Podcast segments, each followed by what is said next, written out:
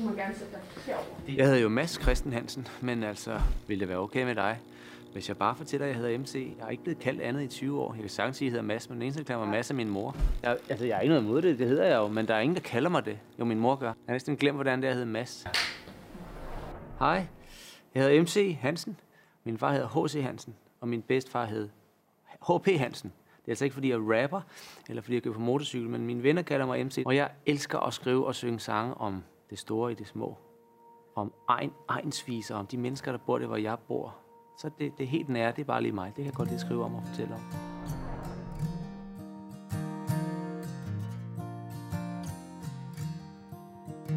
Så fik vi det slået fast. Jeg var væk hele tiden, men jeg tænkte på jer konstant. Der er løbet meget vand i åens side. Din barndom den kom, gik og forsvandt.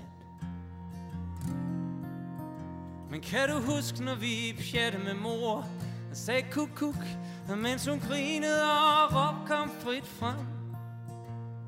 Man er, hvad man er, man gør, hvad man kan. Vi tager den over landet hjem.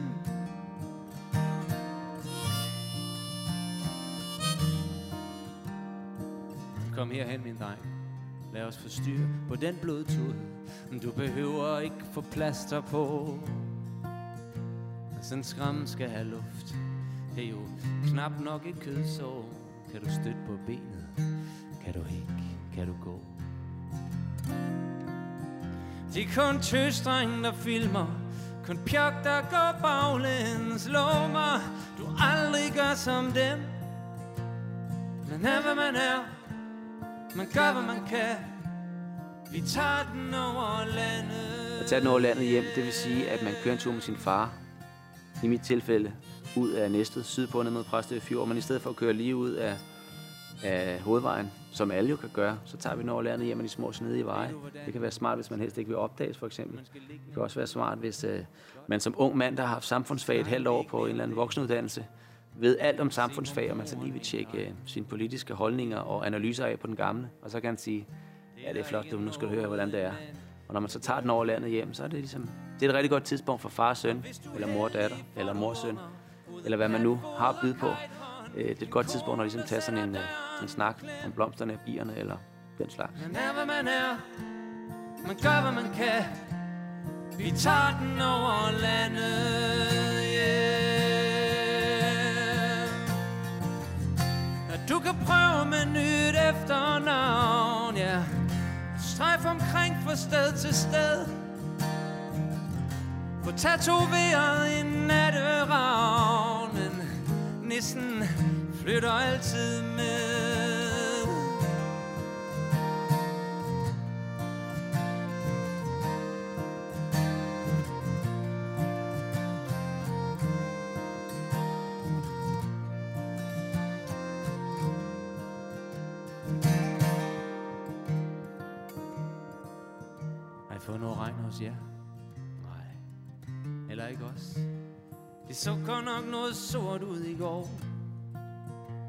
Selv ukrudt skal have vand, så der ikke går svamp i skidtet. Gå ved om vi skal have noget vinter i år.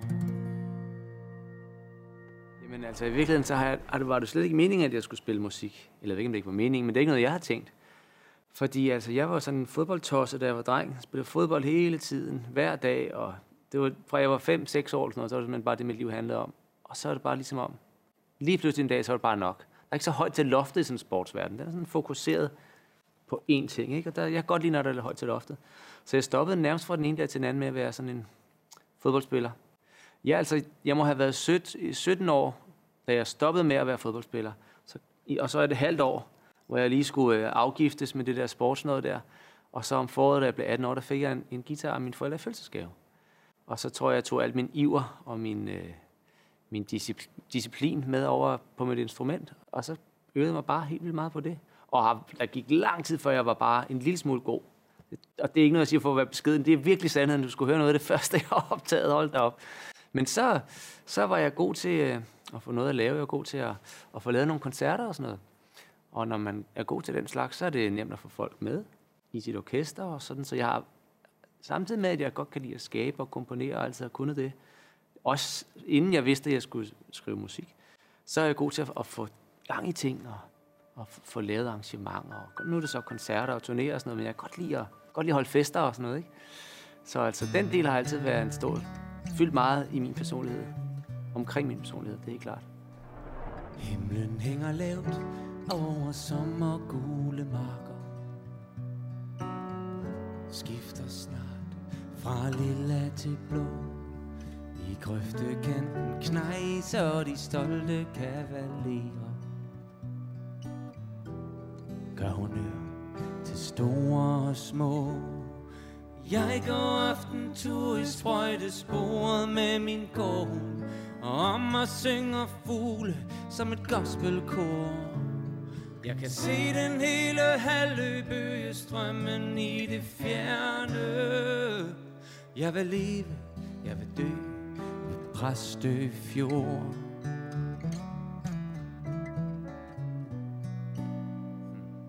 Der bor en gammel hippie i en cirkusvogn ved skoven. Han spiller Stairway på et ustemt klaver. En gang var han chauffør for et rimelig kendt orkester. Nu kan han knap nok synge mere. Temmelig højt til loftet har, hvis bare man lytter efter. Hvis man tør lade tvivlen få det sidste ord. Hvis man stiller spørgsmål, ja, og intet tager for givet. Ved at leve, ved at dø, ved Præstø Fjord.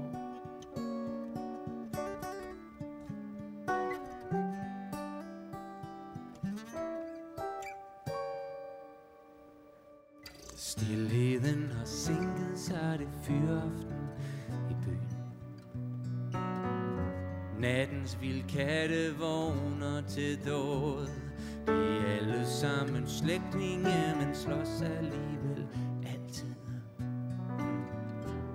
Blodets bånd er noget mærkeligt noget. Spurvehøen svæver over mosen bag ved bakken. Tager grådigt for sig af sit middagsbord. Der er chancer nok at tage for selv den mindste lille gråsbog. Der vil leve, der vil dø ved Præstøfjord. Der vil leve, der vil dø her ved Præstøfjord. Det startede jo med, at vi ligesom alle andre starter i en kælder. For mit vedkommende var det min mormors kælder, når hun var til bankospil tirsdag og onsdag så øvede vi i min mormors kælder. Og så var vi jo ikke, øh, vi var jo ikke mere rockstjerner eller mere voksne. Eller når min mormor så kom hjem, så lavede hun jo pandekager til os. så vi var jo bare nogle små drenge derude der i kælderen. Og havde sådan et band der, hvor vi skrev vores egen musik, og mm, jeg tror, vores første par gigs var jo på, på, på skolen, ikke? på en eller anden efterskole. Det var det faktisk Faxehus Efterskole. Det var min første koncert. Jeg stod så tæt på lampen, så jeg fik sådan brandmærker i nakken. Det er sådan nogle helt gammeldags lamper, ikke?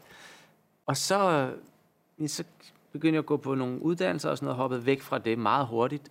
Og så fandt jeg ud af, at man med alene med sin guitar kan man, ja, lige så nemt at få noget, eller lige så svært, at få noget at lave i Holland som i Jylland eller et sted på Sjælland. Så jeg begyndte egentlig bare på koncerter rundt omkring i det meste af Europa i første omgang. Og så har jeg bare rejst rigtig meget rundt. Og der gik lang tid før jeg fik kørekort, som med bus og tog og fly og sådan noget. Guitar på nakken, kuffert i hånden, og så rundt og spille på nogle helt mærkværdige steder. Altså, jeg havde engang en, det var faktisk en 10-dages turné eller sådan noget i Holland, hvor jeg havde en dag fri. Og jeg valgte så at bruge min fridag på at flyve fra et eller andet sted, det må være Amsterdam, ikke? Til London, for at spille en open mic night i London, sove på hotel, og så tilbage til Holland og fortsætte rejse. Altså, når jeg tænker på det i dag, det er helt vanvittigt. Men det var, det var fedt, altså. Der var særligt, der var særligt en ting, som jeg altid kommer tilbage til, som øh, sådan jeg ved ikke, om jeg vil sige, at der var noget, der ventede der, men det var en vild oplevelse. I 2009 skulle en amerikansk, eller måske hun ville en kanadisk, Nå, men lad os sige, hun er amerikansk. En jazzsangerinde, der hedder Madeleine Peru, hun skulle på turné i Europa, og jeg havde kontaktet hendes management og sagt, skal jeg ikke være opvarmning? Og der skete jo ikke noget. Og så sendte jeg bare lige en mail mere, du ved. Der skete jo ikke noget. Så en øh, søndag aften, der boede jeg i Sverige på det tidspunkt, der ringer telefonen, og så er det en, der siger hello, og vil gerne tale med the person representing Mr. Hansen. Øh, jeg er lige et øjeblik, du ved, hej. Og så er det simpelthen Madeline, der ringer til mig fra sin... Det var dengang, hvor det var helt nyt, at man ringede fra sin Mac. Hun ringede til mig fra sin computer i Dublin, om jeg ville med på turné. Vi starter på søndag. Og vi skulle spille i, på Olympia i Paris, på Hammersmith Apollo i London, i Birmingham Symphony Hall, et sted, der hedder KB i Malmø, på Vega, og jeg ikke, et eller to steder, men et sted i Manchester, der hvor de råbte Judas efter Dylan i 66, ikke? Altså sådan nogle, åh ja, rimelig markante steder. Og øh, jeg var sådan helt, jeg blev helt overrasket. Så jeg sagde, det vil jeg rigtig gerne, men ved du hvad, desværre så det der gik, vi skal spille på Olympia i Paris, der har jeg altså et andet gik på noget, der hedder Blågårds Apotek i København, så der kan jeg desværre ikke være med. Og så siger hun, Nå, nej, det er også okay, ved du hvad, så spørger jeg bare min veninde Feist, om hun kan tage den. Og så lagde jeg på, og vi havde et aftale, om jeg skulle med de andre steder, og så tænkte jeg, hvad er det, jeg har gjort? Og så skyndte jeg mig at ringe tilbage til hende og sige, jeg, jeg kan godt i Paris alligevel, jeg kan godt. Fordi, åh ja, altså Olympia er jo det legendariske spilsted i Paris. Så det var helt vildt, mand. Og jeg var, jeg var bare endnu mere end nu sådan en, en eller anden med en guitar. Jeg var ikke, jeg var ikke nogen, så var det var oplagt nødvendigvis, at jeg skulle på turné med hende. Men altså, nogle gange så sker det der. Og hvorfor det skete, det er stadig en gåde. For hun kunne jo have spurgt Feist. Men så spurgte hun mig. Altså, det var godt nok flippet, altså. At spille alle de der sindssyge steder. Da vi spillede på øh, Hammersmith Apollo i London, jeg rejste jo rundt alene, ikke, fordi jeg sad jeg var ikke i turbussen. Så når jeg kom frem, så var jeg jo meget, ligesom nu, snaksalig. Og jeg snakkede med lydmændene og produktionsfolkene osv. Og, og så lige inden jeg skulle på og varme op der på Hammersmith Apollo, så siger ham der sceneteknikeren, eller monitormanden, hvad det nu var, ej, det må da også være fedt for dig at spille her, var. Det var her, Bowie annoncerede, at Ziggy Stardust nu skulle afgå ved døden, og Stones har spillet her, Tom Waits, og Dylan har været her, Beatles, og jo mere han sagde, jeg blev bare mere sådan, stop, lad være at sige det, jeg bliver vildt bange. Det var, det var altså vildt. 2009, det var en rimelig øh, flippet tur, det der.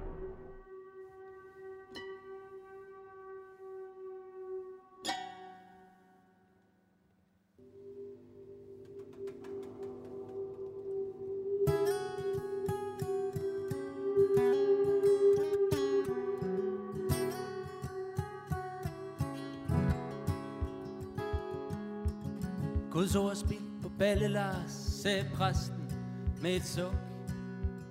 Han tilstod i en tåge af hovmod og druk. Nu nægter han sig skyldig som så mange gange før. Og vender sig stadig bort fra himmelriget. Balladen om Balle Lars, den er faktisk interessant på den måde, at når man som jeg har været øh, interesseret i amerikansk folkmusik i mange år og har interesseret sig for murder ballads og, og Harry Smiths Anthology of American Folk Music og sådan noget, så, så er Tom Dooley og The Long Black Veil, de der sange, der handler om, at man ikke må gå ned til floden, fordi så bliver man slået ihjel af sin ægtefælle og sådan noget. Når, når det så viser sig, at, at der, hvor jeg født og opvokset, på Sydsjælland, der øh, blev Balle Lars i sin tid henrettet. Han var den næst sidste dansker, der blev henrettet, fordi han havde begået et legemord. Og jeg var henrygt over at finde ud af, at jeg kan nu skrive min egen murder ballad. Så balladen om Balle Lars er balladen om, om Lars Bal Nielsen, tror jeg nok er ned, jeg tror han Nielsen, som blev henrettet i oktober 1860 på Rakkerbanken ude i Lægneskoven ude ved Uledige. Og øh, der er sådan et ordsprog, der hedder Spildte Gud så på Balle Lars, som er lidt det samme som at tale for døve øren. Fordi pastor Gjellerod skulle have Lars til at tilstå, at det var ham, der havde begået mordet. Fordi så kunne han jo komme i himmerige, og kongen ville faktisk benåde ham. Men benådningen bestod i, at Lars i stedet for at blive halshugget og få sat sit hoved på et spyd derude i skoven, så havde kongen sagt, ved du hvad, øh, så nøjes vi med at halshugge ham. Og jeg tror måske, Lars han har tænkt, ah, så, helt ærligt, så kan det være det samme. Så han blev ved med at sige, det var ikke mig, der gjorde det. Så man ved faktisk ikke, om Balle Lars var skyldig. Han havde godt nok tilstået mordet på et tidspunkt i en brændert på et værtshus oppe i Borse, eller hvad, jeg, hvad ved jeg. Men man ved faktisk ikke, om han var var skyldig. Nuller i kraftet med kæft, skreg Lars fra galjebakken. Var Balle Lars uskyldig, eller var der noget om snak? Lars holdt på sin uskyld, fik hovedet hugget af foran 4.000 vidner på på en kold oktoberdag. Ane er død, Ane Det var Lars, der skød, Lars, der skød, brænd hans døde krop, brænd hans døde krop. 100 rigsdaler var lønnen for at lege mor. Med 17 skud i halsen, pøblens bødler sang i kor. Nils Olsens arv er forbandet, 20 mænd blev dømt. Lars tog dem med i faldet, og fik sin hævn på skrønt. Ane er død, Ane er død, klønken skyldig op. Det var Lars, der skød, Lars, der skød, brænd hans døde krop, brænd hans døde krop.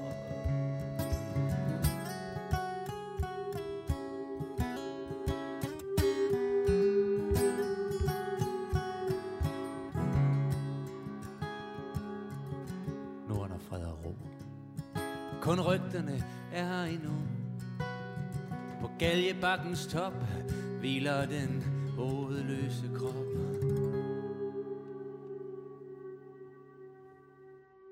Men hvis du lytter efter historiens vingesus, kan du høre dommen falde, øksen hugge, blodet drøbe, godt folk gispe, rygterne svirrer Venes gamle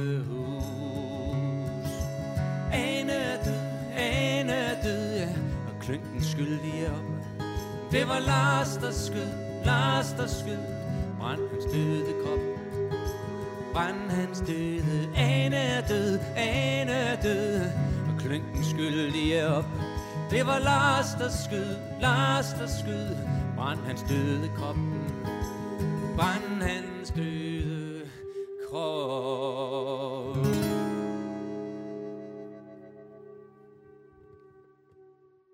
Nu har jeg jo en alder, hvor jeg kan kigge lidt tilbage, og jeg har egentlig altid sunget om det samme. Altså, som jeg sagde i starten, du ved, det, det store i det små og sådan noget, det nære. Jeg sunget om den egen, jeg kommer fra. Sådan noget. Man synger jo om det, man ved noget om og interesserer sig for. I starten, fordi jeg jo er tosset med amerikansk folkmusik, amerikansk blues og grunge rock og sådan noget, så faldt det mig bare meget naturligt at synge de der sange på engelsk, og det har det egentlig gjort altid. Så de første fem, seks plader, jeg har lavet selv, og dem, jeg har lavet med mine amerikanske kolleger, er jo alle sammen på engelsk. For mig er det sådan set det samme. Det er sådan set lige meget for mig, om jeg synger dem på dansk eller på engelsk, men der skete helt klart noget for et par år siden, hvor jeg begyndte dels at skrive nogle nye sange på dansk, og oversætte mine sange. Jeg kunne bare mærke, hvordan folk, oh, folk rykkede tættere på mig. Og det er jo indlysende, hvorfor. Ikke? Altså, de kan selvfølgelig forstå det hele nu, i stedet for det halve. Den sang, der hedder Findes der mon ord, den hedder oprindeligt uh, My East Nashville Dream, fordi den i virkeligheden er det øh, et referat af en drøm. Jeg drømte nogle ting og skyndte mig at skrive dem ned, for jeg synes, der var, en, der var faktisk simpelthen en sang i, i den drøm der. Den kom til mig, da jeg var på besøg hos min ven Jeff i Nashville, og han bor nede ved Cumberland-floden. Og øh, så var den faktisk bare færdig, jeg skulle skrive den ned. Sådan er det tit. Så er jeg sangene bare færdig, så skulle jeg lige få det til at rime og sætte melodi til. Men Cumberland-floden i, i min verden, altså Cumberland, den løber sammen med Mississippi-floden, det er en af de store floder i USA. Altså, der er det jo klart, det er jo Susåen, når man er sydsjællænder. Så er det Susåen, så Cumberland, The Cumberland River blev til Susåen i den her sang.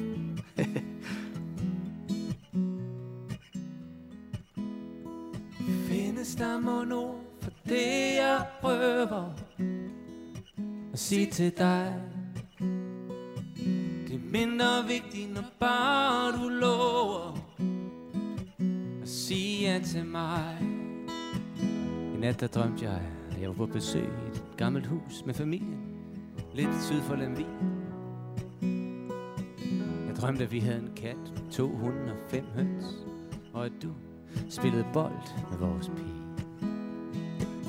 Jeg drømte, at vi var ude at sejle i kano på Susåen. Kanoen havde vi lånt af min ven Stig. Men du sagde, Suso, ligner noget fra en bog, jeg har læst. Og så sprang vi begge to lige på hovedet i. Findes der mono for det, jeg prøver at sige til dig? Det er mindre vigtigt, når bare du lover ja til mig. Jeg vil komme alt det, der gør ondt på dig til livs. Alt det, der er åndssvagt og dumt. Og syng sang, der rimer på den gang, vi to lige var begyndt. Jeg tror, jeg planter et træ. Et træ ude i haven. I stedet for det, der gik ud sidste år. Skal vi ikke sætte os ud, så laver jeg noget kaffe. Og så sidder vi der bare, mens tiden går. Findes der mon ord for det, jeg prøver at sige til dig?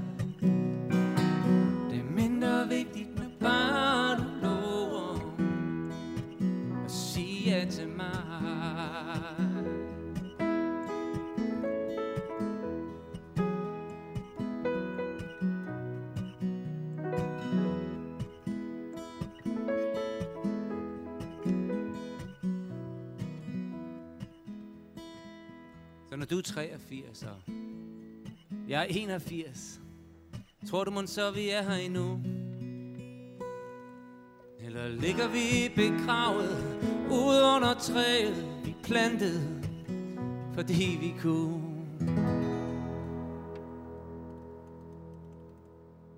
Jeg er jo født og opvokset nede ved Præstø Fjord.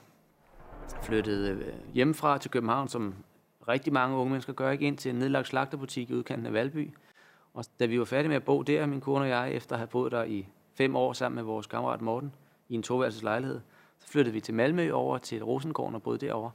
Og så var vi ligesom færdige med at bo i byer, min kone og jeg, så vi ville gerne ud på landet igen. Og vi skulle helt slet ikke bo der, hvor vi opvoksede. opvokset. Det havde vi jo prøvet, indtil vi så lige lejede et hus ved Præstø i fjor, og så tænkte vi bare, åh ja, okay, det giver bare mening det her. Så det der med at, at opdage, hvor stor en del min hjemmeegn er, eller fylder i den person, jeg er, det, det gjorde så bare, at jeg har været fuldstændig fyldt op af det de sidste 10 år. Så øhm, jeg skriver bare om det, jeg omgives af, og det, som interesserer mig. Og det har så i meget lang tid været det sted, jeg bor. Det kommer så også af, at vi, skulle, vi ville rigtig gerne have nogle børn, min kone og jeg, og vi kunne bare ikke få børn, vi kunne bare ikke få børn. Og vi trænede, og vi øvede, og vi prøvede, indtil vi til sidst blev om, vi bliver sgu nødt til at adoptere et barn, for det her, det virker bare ikke. Og når man skal adoptere et barn, er det ret fedt at have nogle mennesker omkring sig, der lige kan hjælpe en med det og passe og sådan noget. Det er det jo også, hvis man får et barn på biologisk vis. Men der siger vi, okay, nå, så hvor kender vi nogle mennesker? Præstø Fjord. Så vi flyttede til Præstø Fjord, fordi så var vi ligesom klar til at adoptere et barn. Og øh, så flyttede vi derned, og adoptionsprocessen fortsatte, og endelig, endelig, endelig, nu kan I adoptere. Bare gør jeg klar. Spar sammen, betal en masse penge. Så betalte vi en masse penge. 14 efter var Karina gravid. Så det er derfor, måske er det også ligesom sådan en skældsættende begivenhed, ikke? Er selvfølgelig også måske med til at booste, at det er Præstefjord og området, og nu lykkedes nogle ting, noget for os, som var svært, vi har svært ved at få til at lykkes. Måske er det også bare det, der gør, at jeg ligesom sådan knuselsker min egen. Altså det, og så er det jo bare en super fed egen også. Men altså, dem er der jo mange dejlige af i Danmark. Men jeg tror, der er mange begivenheder, der ligesom samlede sig der omkring det geografiske område.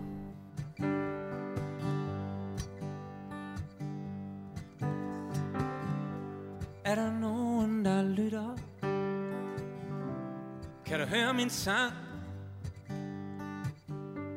Er der nogen, der lytter? Den her gang Baby Blue, den faldt ned i, i turbanen på mig, da jeg sad i en park over i Malmø, hvor min kone og jeg lige havde fundet ud af, at nu skulle vi adoptere en pige fra Indien. Så den er sådan set en, øh, en overvejelse om, hvordan der må være der, hvor hun bor. Det skulle vi så ikke, i, da det kom til stykket, men øh, det er simpelthen en sang, der handler om, om den der pige over Indien, vi skulle have adopteret. Er der nogen, der lytter? Hvad vil du være, når du bliver stor? Astronaut eller embedsmand? Folkesanger eller brandmajor? Jeg ville give min ene arm for at holde i hånd med dig Mens vi griner højt og gætter på hvor mormon gemmer sig må ikke der stjerner på himlen?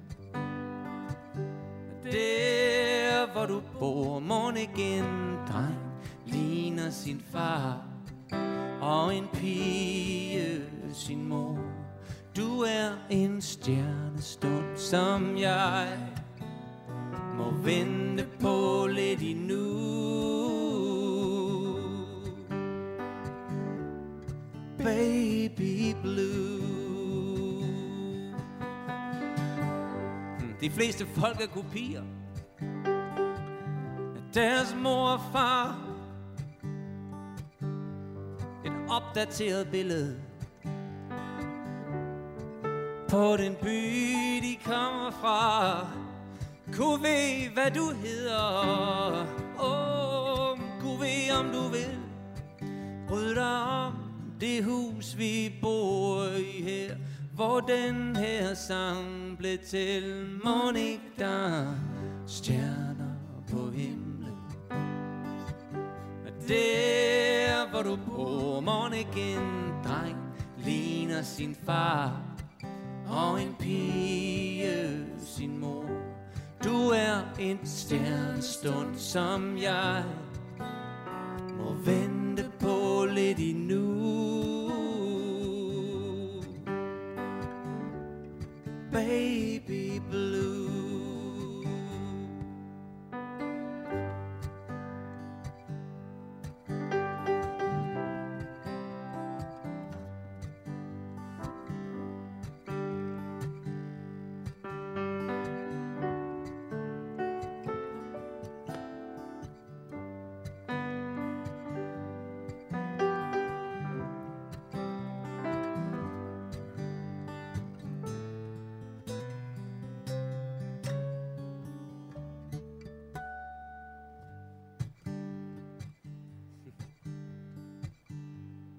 en død kat på vejen. Ved købmand Flemmings butik. Han troede han kunne nå over. Men det kunne han ikke. Måske skulle han have ventet. Måske skulle han være gået noget før. Måske venter missemor på ham der hvor katte skal hen, når de dør? Må ikke der stjerner på himlen? Der hvor du bor Må ikke en dreng ligner sin far? Og en pige sin mor? Du er en stjernestund som jeg Må vinde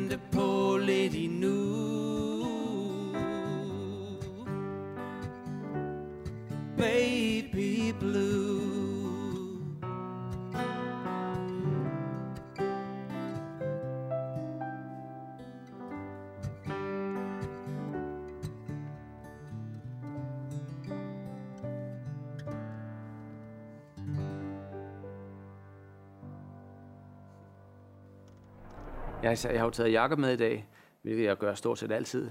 Og Jakob han øh, er i virkeligheden trommeslager, man kan spille på alle mulige instrumenter. Så de sidste mange år, der har Jakob faktisk øh, spillet klaver og keyboards og harmonium, og så synger han så vidunderligt kor, så, så han er med mig i dag og stort set altid. Så Jakob og jeg har jo spillet sammen i snart 20 år. Vi, Jakob joker altid med, jeg tror stadig, han er 23. Det kan han jo så ikke være mere, men det var han i hvert fald øh, dengang, eller måske var han yngre. Jeg ved ikke, hvor gammel jeg kan være faktisk, nu skal jeg være ærlig. vi har spillet sammen i snart 20 år, og vi mødtes i virkeligheden på scenen, øh, inde på Mojo Blues Bar i København, øh, hvor vi er et backing band, husband, for sådan en månedlig øh, sangskriverklub. Månedlig, en gang om måneden kom fem sangskrivere og skulle spille med husbandet. Og vi fik så sendt 20 sange, mødes med de der kunstnere om eftermiddagen, og så om aftenen, så, så skulle vi spille. Og så der mødtes vi sammen med vores ven Phil, som hedder Nice til efternavn. Phil Nice hedder han. Og det var bare skide sjovt, eller. Vi, vi blev rigtig gode til at spille sange, vi ikke øh, kendte og for det, vi, vi synes selv, vi blev gode til at få det til at lyde, som om vi rent faktisk kunne sangene, for det var det, det handlede om. Så vi, øh, vi mødtes der på scenen, og så, ja, så klikkede vi bare både musikalsk og, øh, og kollegialt og personligt i det hele taget, på det personlige plan. Så altså, lige så er der gået 20 år, og vi har bare spillet på alle mulige og umulige steder i hele verden snart. Det er, det er meget flippet. Altså, men der, der er en eller anden, det er bare let. Jakob er fremragende til at være og bakke op omkring det, jeg står og laver. Og så de ting, jeg virkelig er god til, det er Jakob skide god til. Jeg tror, jeg er god til noget af det, som han ikke interesserer sig for at være god til, eller måske bare ikke er god til. Så på den måde er det ligesom øh, 2 plus 2, der bliver 5, synes vi nogle gange.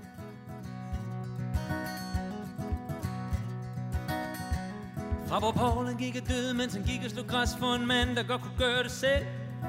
Folk i byen sagde, det var spillermands penge, man hyrede Paul alligevel.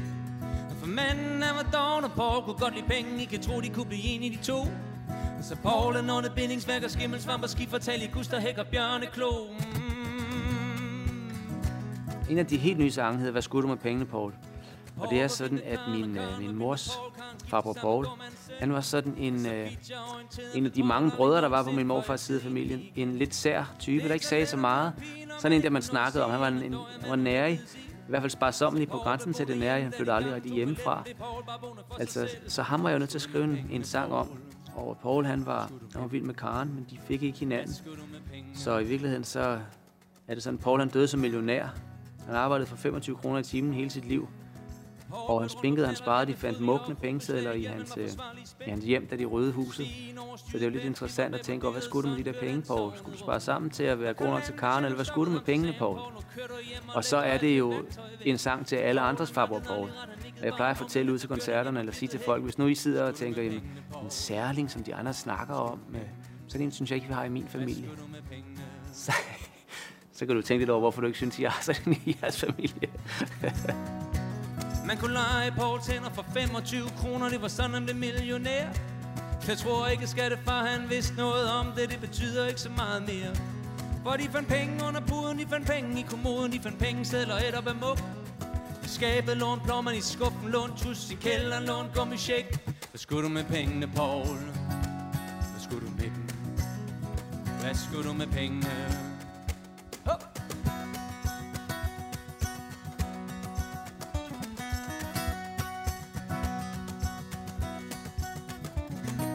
Gaderne lå øde hen den dag, da Paul han døde, men det er der ingen, der husker nu.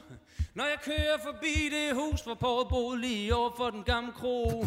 Paul vendte sig i graven, dengang gritten er fordelt, down, gritten er døde nu. Og det rak og pakker flyttede ind, kan ikke holde hægten, det var noget af det, som Paul han kunne.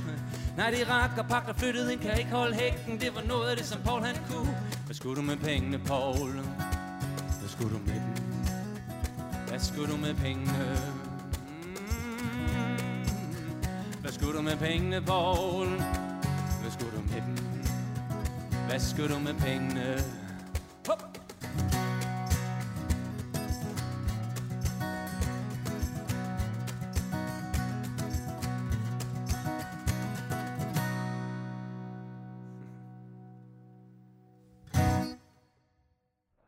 Det er sådan, at mine bedsteforældre de mødte hinanden på noget, der hedder Delhedgården, lige uden for Faxe Ladeplads. Min mormor, hun arbejdede i køkkenet, og min morfar, han var fodermester, så han stod over i, i stallen og arbejdede derovre. Og da de, som så mange andre, hørte den danske stemme på BBC proklamere, at nu er krigen slut, så så min morfar sådan fat om lid på min mormor og smed hende op under loftspjælkerne og sagde, nu skal vi giftes, mor. Og de spillede Kong Christian stå på højen mast i radioen, og jeg er sikker på, at han følte sig en helt del som Kong Christian den der forårsdag i 45. Så da vi alle sammen er samlet 50 20 år senere i Roholt for forsamlingshus for at fejre deres guldbryllup, så siger han, velkommen alle sammen. Hvor er det dejligt at se jer. Jeg håber, I kan lide maden. Der, der er mere, hvor den kommer fra. Sådan en klassisk indledning på sådan en sydøstsjællandsk øh, guldbryllupstale der. Og så siger han, tak til dig, Gret. Tak for 50 20 gode år. Jeg kunne ikke ønske mig et bedre liv. Tak fordi du lavede brun sovs kartofler til mig hver dag, når jeg kom hjem fra arbejde.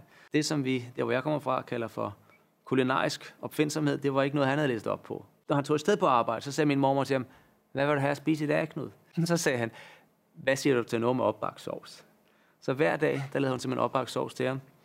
Så jeg plejer at sige til publikum, at det er bare at sige til jer, drenge, hvis, hvis I går og skriver på sådan en tale, en guldbryllup eller sølvbryllupstale eller noget andet vigtigt, og hun så har lavet sovs til jer i for eksempel 50 år, så husk lige at sige tak i guldbryllupstalen, for det kan sgu da ikke være skideskægt at lave opbagt sovs hver dag i 50 år. Og så fortæller jeg jo videre, at, at min morfar han får takket alle, min mormor og borgmesteren, som sad tæt på, alt efter om man skyldte ham en plov, eller havde hans lånerens plæneklipper, altså, så var man placeret sådan tæt på, eller langt væk, ikke? Og så peger han ned på det absolut fjerneste hjørne af forsamlingshuset. Der var min fætter, og min bror og jeg, vi sidder og fniser og taler om Samantha Fox, er jeg sikker på, at vi sidder og talt om øh, fodbold. Og det samme, han sådan peger ned på os, så siger han til min mormor, jeg kan jo mærke, Greta, jeg er ved at blive en gammel dreng, når jeg sådan kan se, at børnebørnene er ved at blive store. Og i det samme, han sagde, jeg kan jo mærke, Greta, jeg er ved at blive en gammel dreng, når jeg kan se, at børnebørnene er ved at blive store. Så faldt han bagover, så døde han foran os alle sammen der i Roholt forsamlingshus. Og så tænker jeg, at jeg kan ikke forestille mig en finere måde at slippe afsted på, end foran familie og venner. Det er alt det, man holder allermest af. Så derfor har jeg skrevet den der sang om, om landposten fra Roholdsovn, som også lidt handler om en skjorte, jeg har hængende hjemme i mit skab, som jeg ikke har på så tit. I dette øjeblik meddeles det, at Montgomery har oplyst, at de tyske tropper i Holland, Nordvest-Tyskland og i Danmark har overgivet sig. Her London, vi gentager. Montgomery har i dette øjeblik meddelt, at de tyske tropper i Holland, Nordvesttyskland og Danmark har overgivet sig.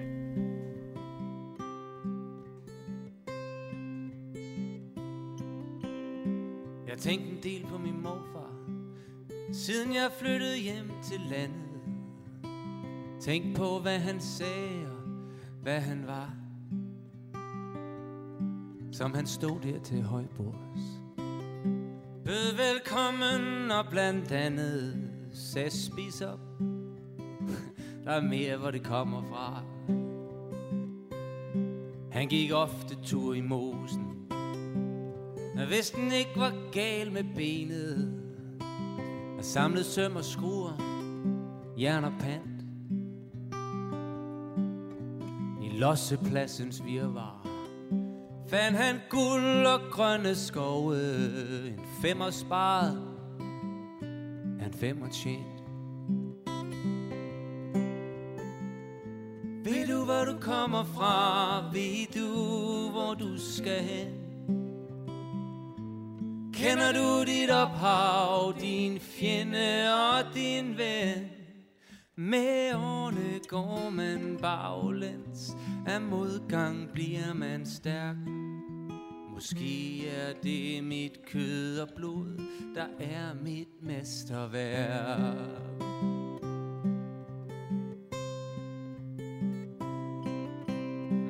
I 42 år gik han post med brev og pakker. Først på gåben, så på cykel. Og med tiden i sin gule vogn, han tog sig god tid snak. Der kom post, når der kom post, ja, og det var godt nok til folk i Roholt Sogn. Hmm. Han var stedig som et æsel. Når han sagde noget, så var det bedste. Måske han bare havde tjek på rigtigt og forkert. Han var coach, før coach var cool. Ikke fordi han skulle noget med det. Ikke fordi det var noget, han havde lært. Ved du, hvor du kommer fra? Ved du, hvor du skal hen? Kender du dit ophav, din fjende og din ven? Med årene går man baglæns, af modgang bliver man stærk. Måske er det mit kød og blod, der er mit mesterværk.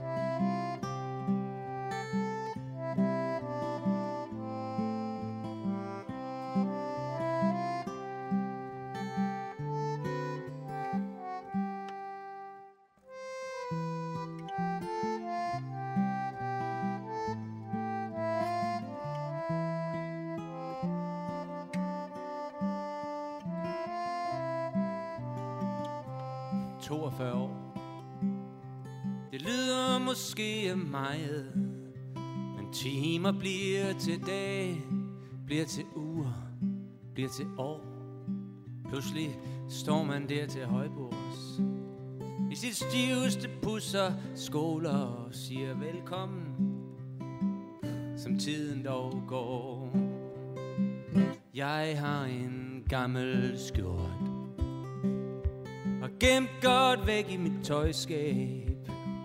Den er strygefri. Den er brun og grå. Min morfar købte den dengang.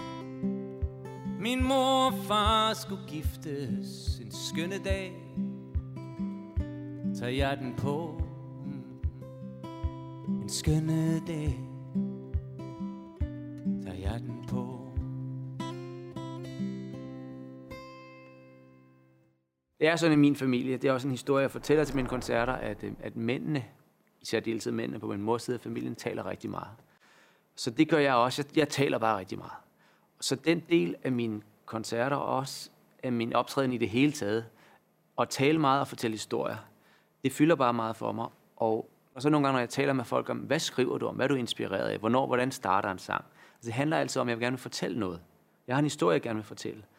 Så det vigtige for mig er, at du, eller du, eller I, forstår, hvad det er, jeg gerne vil sige. Hvis jeg skal fortælle dig noget nu, så giver det ikke for mig så meget mening at gøre det kryptisk, hvor du sidder og tænker, hvad det må han mener. Så historiefortælling er en markant del af det, det jeg holder jeg lyt til, og det jeg holder jeg optræde med, men det er også en markant del af det, der fanger mig, når jeg er til koncert. Jeg er vel i virkeligheden en uh, øh, 2020-udgave af det, som man kunne kalde for en spillemand. Altså ikke dermed sagt, at jeg bare spiller hvad som helst, hvor som helst, når som helst. Men i virkeligheden er det sådan, at hvis der er nogen, der gerne vil høre mig, og hvis der er en ramme, som gør, at musikken kan have det godt, så vil jeg i virkeligheden spille hvor som helst, når som helst. Så det gør så bare, at jeg sørger for at spille de der to-tre gange om ugen. Eller bare sørge for. Men, men det er i hvert fald det, at jeg forsøger at gøre, og jeg kan enormt godt lide det der med at være chef i min egen butik. Og så, øh, så spiller vi alle de steder, hvor det nu passer ind med sådan to spillemænd. Og øh, arrangerer alle mulige og umulige typer af koncerter. Nu har vi fået bygget en øh, gammel campingvogn om, hvor hvis I forestiller jer, den ene side af campingvognen ligesom kan folde ned, så er scenen der. Og så kører vi ud og spiller. Vi spiller hele sommeren. Øh, ja, mest på Sjælland og lidt på Fyn. Og nu har vi så fået en chance næste år, hvor vi skal spille på campingpladser, selvfølgelig. På, I vores campingvogn. Jeg ved ikke, hvorfor vi ikke har tænkt over det noget før. Det er jo helt oplagt at spille for folk på campingpladser. Det er sådan lidt øh, rejsen, omrejsende Tivoli, altså princip, ikke? Altså, og det er jo også det, vi er. Det er jo sådan en cirkusturné. Nu bor vi så i et land, der er så lille, så man bare kan køre hjem om aftenen. Men altså, vi er, det er jo et omrejsende cirkus, altså. Og snubler du, så falder du, så gør det ondt, sådan er det jo. Det klarer du, det ved jeg, baby blue. En sommerfløjt, der finder dig, forblænder dig, forlader dig. Jeg ville ikke skåne dig, hvis jeg kunne. Givet de fejl, jeg er gjort af morgenlyse for dig. Som et fyrtårn på havet, der viser dig vej, givet du altid. Finder tør vejr, når regnen vælter ned, og givet du aldrig møder ensomhed. Et pletskud her, et fejltrin der. Lykken, det er noget, man skal lære. Så ved du det, hvis chancen byder sig. Bød verden ind. Syng solen rød. Luk flasken op. Skyld dagen ned. Når du møder tvivlen Så kan du hilse fra mig. Givet de fejl. Jeg er gjort af Må for dig Som et fyrtårn på havet Der viser dig vej de fejl, jeg har gjort af, det er faktisk endnu en af dem, som øh, er oversat fra engelsk. Den hedder Sense Your Father. Og den, den udspiller sig i virkeligheden op på en bakketop, hvor jeg sad forleden sammen med min datter. Og hun spørger mig, om der er noget, jeg skal vide om det der med at blive voksen. Og ligesom min morfar ikke har fået læst så meget op på det der med kulinarisk opfindsomhed, så det der med at blive voksen, det er aldrig noget, jeg har fået læst så meget op på. Det er simpelthen ikke nødvendigt at vide så meget om det showbiz. Så jeg vidste ikke rigtig, hvad jeg skulle sige til hende. Jeg sad og trådte lidt vande og sagde, nu skal du høre min pige. Øh, jeg har hørt, at andre siger, at eller jeg ved, at det der er vigtigt, eller jeg vidste ikke, hvad jeg skulle sige til hende, så i stedet for så sagde jeg, Hør her, min pige. Syng din egen sang, dit eget vers. Find din egen klang. Du skal ikke være bange for de ting, du ikke forstår. Givet de fejl, jeg er gjort af. må lyse for dig, som et fyrtårn på havet, der viser dig vej, givet du altid. Finder tør vær, når regnen vælter ned, giv du aldrig møder ensomhed. Og giv du aldrig møder ensomhed.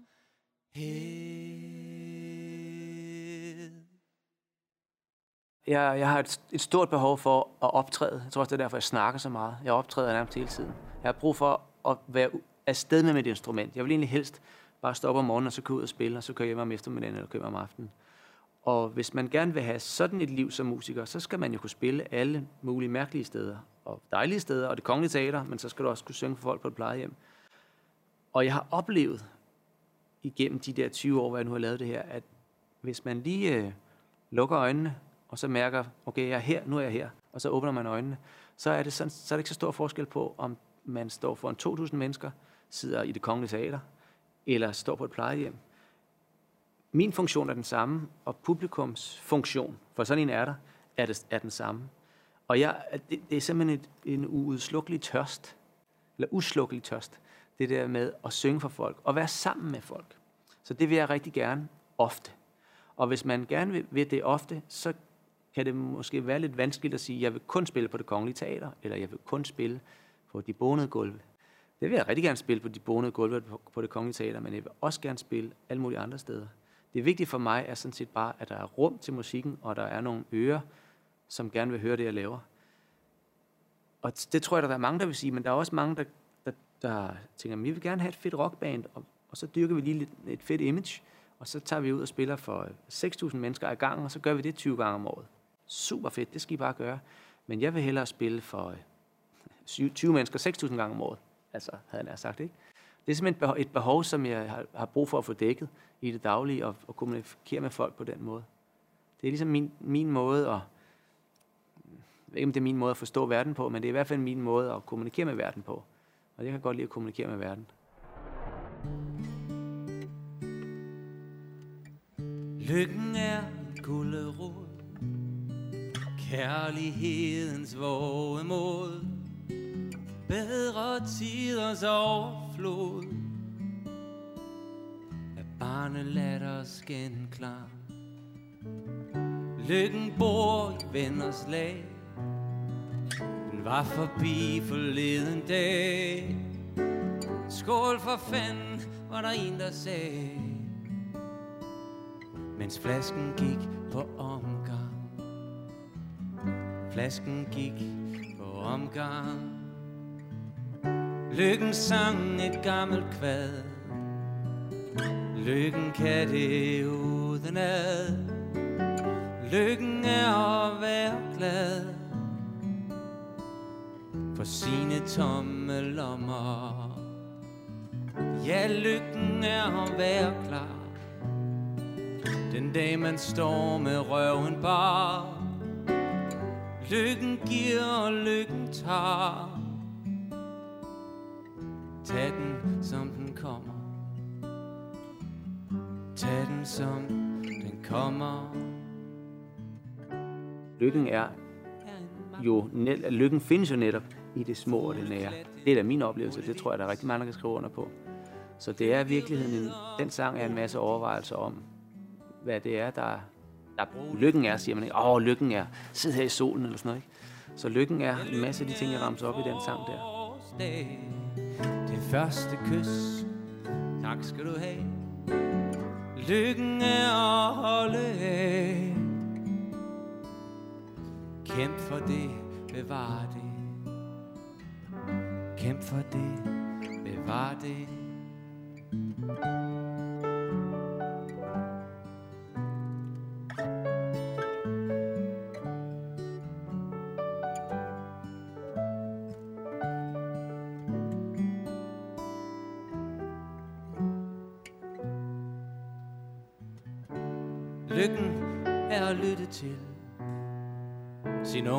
Ungdoms ekko, om du vil. Men hvis du sætter den på spil, er lykken uretfærdig.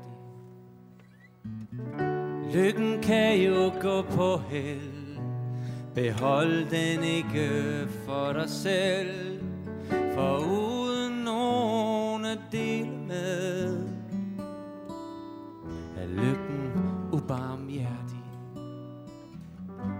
lykken ubarmhjertig? Er lykken ubarmhjertig?